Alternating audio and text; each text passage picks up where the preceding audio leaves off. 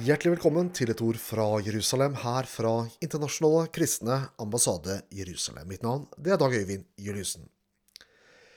En gjest på tyrkisk nasjonalt TV sa nylig følgende. Jødene har skapt viruset som et biologisk våpen. Nå er påstanden om at jødene står bak koronaviruset vidt spredt på sosiale medier. Noen må ha skylden når Kina stenges, Norge stenger flyplasser og havner, og USA erklærer nasjonal unntakstilstand. Og hva er mer i tråd med historien enn å gi jødene skylden? Ifølge Alex Friedfeld, en forsker ved Anti-Defamation Leagues Center, ADL, startet denne forestillingen å spre seg allerede i januar, straks etter at viruset var kjent. Den mest populære konspirasjonen er at jødene har skapt det for å tjene penger, sier Friedfeld til The Times of Israel. Påstanden er jødene har laget det og vil dra fordel av, at markedet kollapser ved å dra nytte av innsidehandel. Konspirasjonen blir ikke bare spredd på ekstremistiske plattformer, men også på Facebook, Instagram og Twitter. I noen tilfeller har disse konspirasjonsteoriene også blitt presentert på statlige TV-stasjoner som den tyrkiske. En gjest der uttalte følgende. Jødene, sionister, har utviklet og organisert dette, koronaviruset, som et biologisk våpen, akkurat som fugleinfluensaen, for å styre verden, ta kontroll over land og kastrere verdens befolkning. Sammen med spredningen av den falske påstanden om at jødene har utviklet viruset, så påstås det også at noen hvite nasjonalister har feiret sykdommens utbrudd som noe som tjener deres sak. Friedfeldt forteller at det meste spiller på gamle stereotyper som er pakket om og utgitt med den nye narrativen. Dette er ikke første gang at jødene har blitt gjort til syndebukk for en global pandemi. Jødene fikk også skylden for svartedauden. Den førte til forfølgelse og pogromer mot jødiske samfunn i årene 1348 til 1351. Over til en hyggeligere sak. I det sørlige Israel bruker lokalsamfunn eh, gitt av internasjonale kristne ambassade til å bekjempe, bekjempe spredning av koronavirus. Israelerne har fylt 200-literstankene med en israelsk utviklet blanding som dreper koronaviruset. Alle lekeplasser og offentlige steder i Sederot Negev-regionen vil bli sprayet med denne antikoronablandingen. Takket være giveres sjenerøsitet kan israelske barn leke i trygghet, mens de venter på å begynne på skolen igjen. Langt flere palestinske kvinner sitter fengslet i Syria enn i Israel og få bryr seg. Israelske kritikere og venner eh, av eh, palestinaraberne ivrer etter å angripe Israel for å fengsle palestinske kvinner. I ulike medier skaper sakene store overskrifter. 61 palestinske kvinner sitter i dag fengslet i Israel. Majoriteten av disse kvinnene er dømt og straffet for terror. At langt flere palestinske kvinner sitter fengslet i Syria, er det få eller ingen som snakker om. Mange fengslede palestinske kvinner blir torturert til døde, ifølge en rapport fra en menneskerettighetsorganisasjon. Den organisasjonen Action Group for Palestinians eh, of Syria har avslørt at 486 palestinske kvinner er blitt erklært døde siden den syriske borgerkrigen brøt ut i 2011. 110 har blitt hemmelig arrestert av Assad-regimet, og mer enn 34 er blitt torturert til døde i fengsel. Organisasjonen mener det faktisk, faktiske tallet er mye høyere fordi regimet systematisk unnlater å dokumentere fengslinger og dødsfall. Familiene til ofrene unnlater også ofte å rapportere i frykt for represalier fra myndighetene. Organisasjonen siterer beretninger fra palestinske kvinner som forteller at fangene regelmessig blir utsatt for fysisk og psykisk tortur, inkludert elektriske sjokk og grove seksuelle overgrep.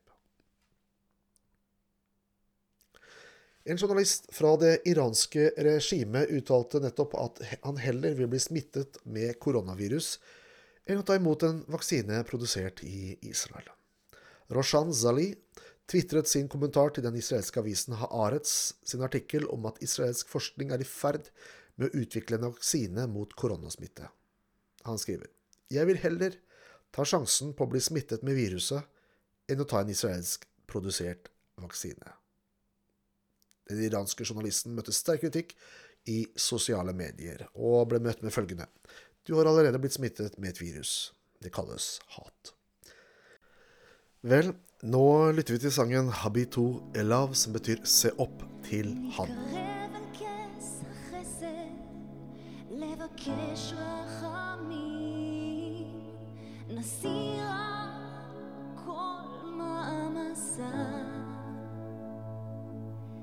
בסבלנות נעוץ את המרוץ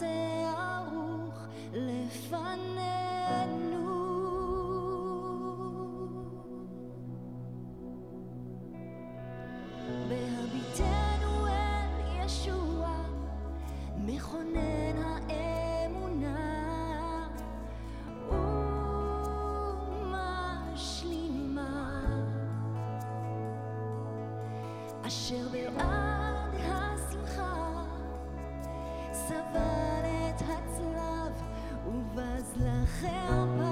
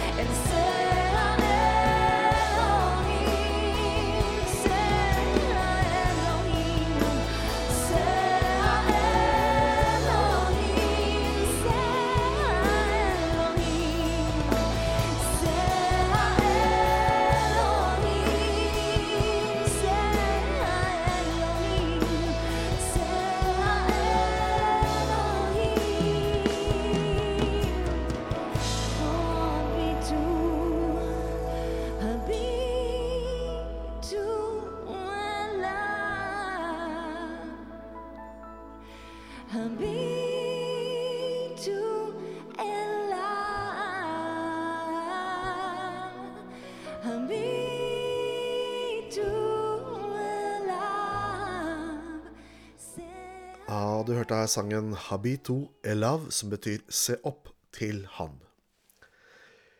Vi begynte dette programmet med, for å si det sånn, mange dårlige nyheter, men la oss eh, i de avslutningene her gå og se på de gode.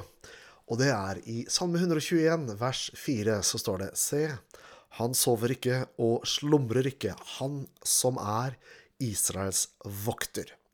Og det fantastiske med det jødiske folkets historie opp til i dag, det er at det er et bevis på at Guds ord er sant. Det er bevis på at Gud er trofast. Det er mot alle menneskelige odds, mot alle rasjonelle odds, at et folk blir fordrevet fra sitt hjemland, for så, etter nesten 2000 år senere, komme tilbake igjen til det landet som de en gang bodde i. Det har aldri skjedd med noe annet folk eller noen annen nasjon opp igjennom verdenshistorien.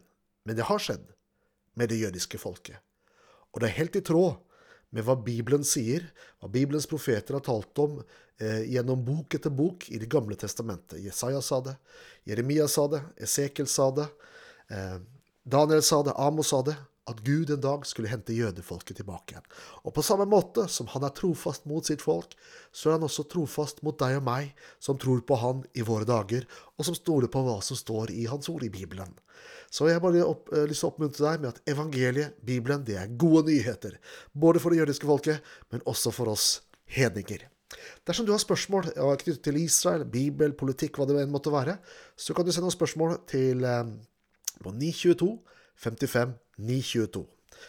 Send oss en SMS med spørsmål 922 55 922, og så svarer vi om mulig i neste radioprogram. Du har lyttet til et ord fra Jerusalem, fra Internasjonale kristne ambassade Jerusalem. Mitt navn det er Dag Øyvind Juliussen, og jeg takker for følget. Ha det riktig godt.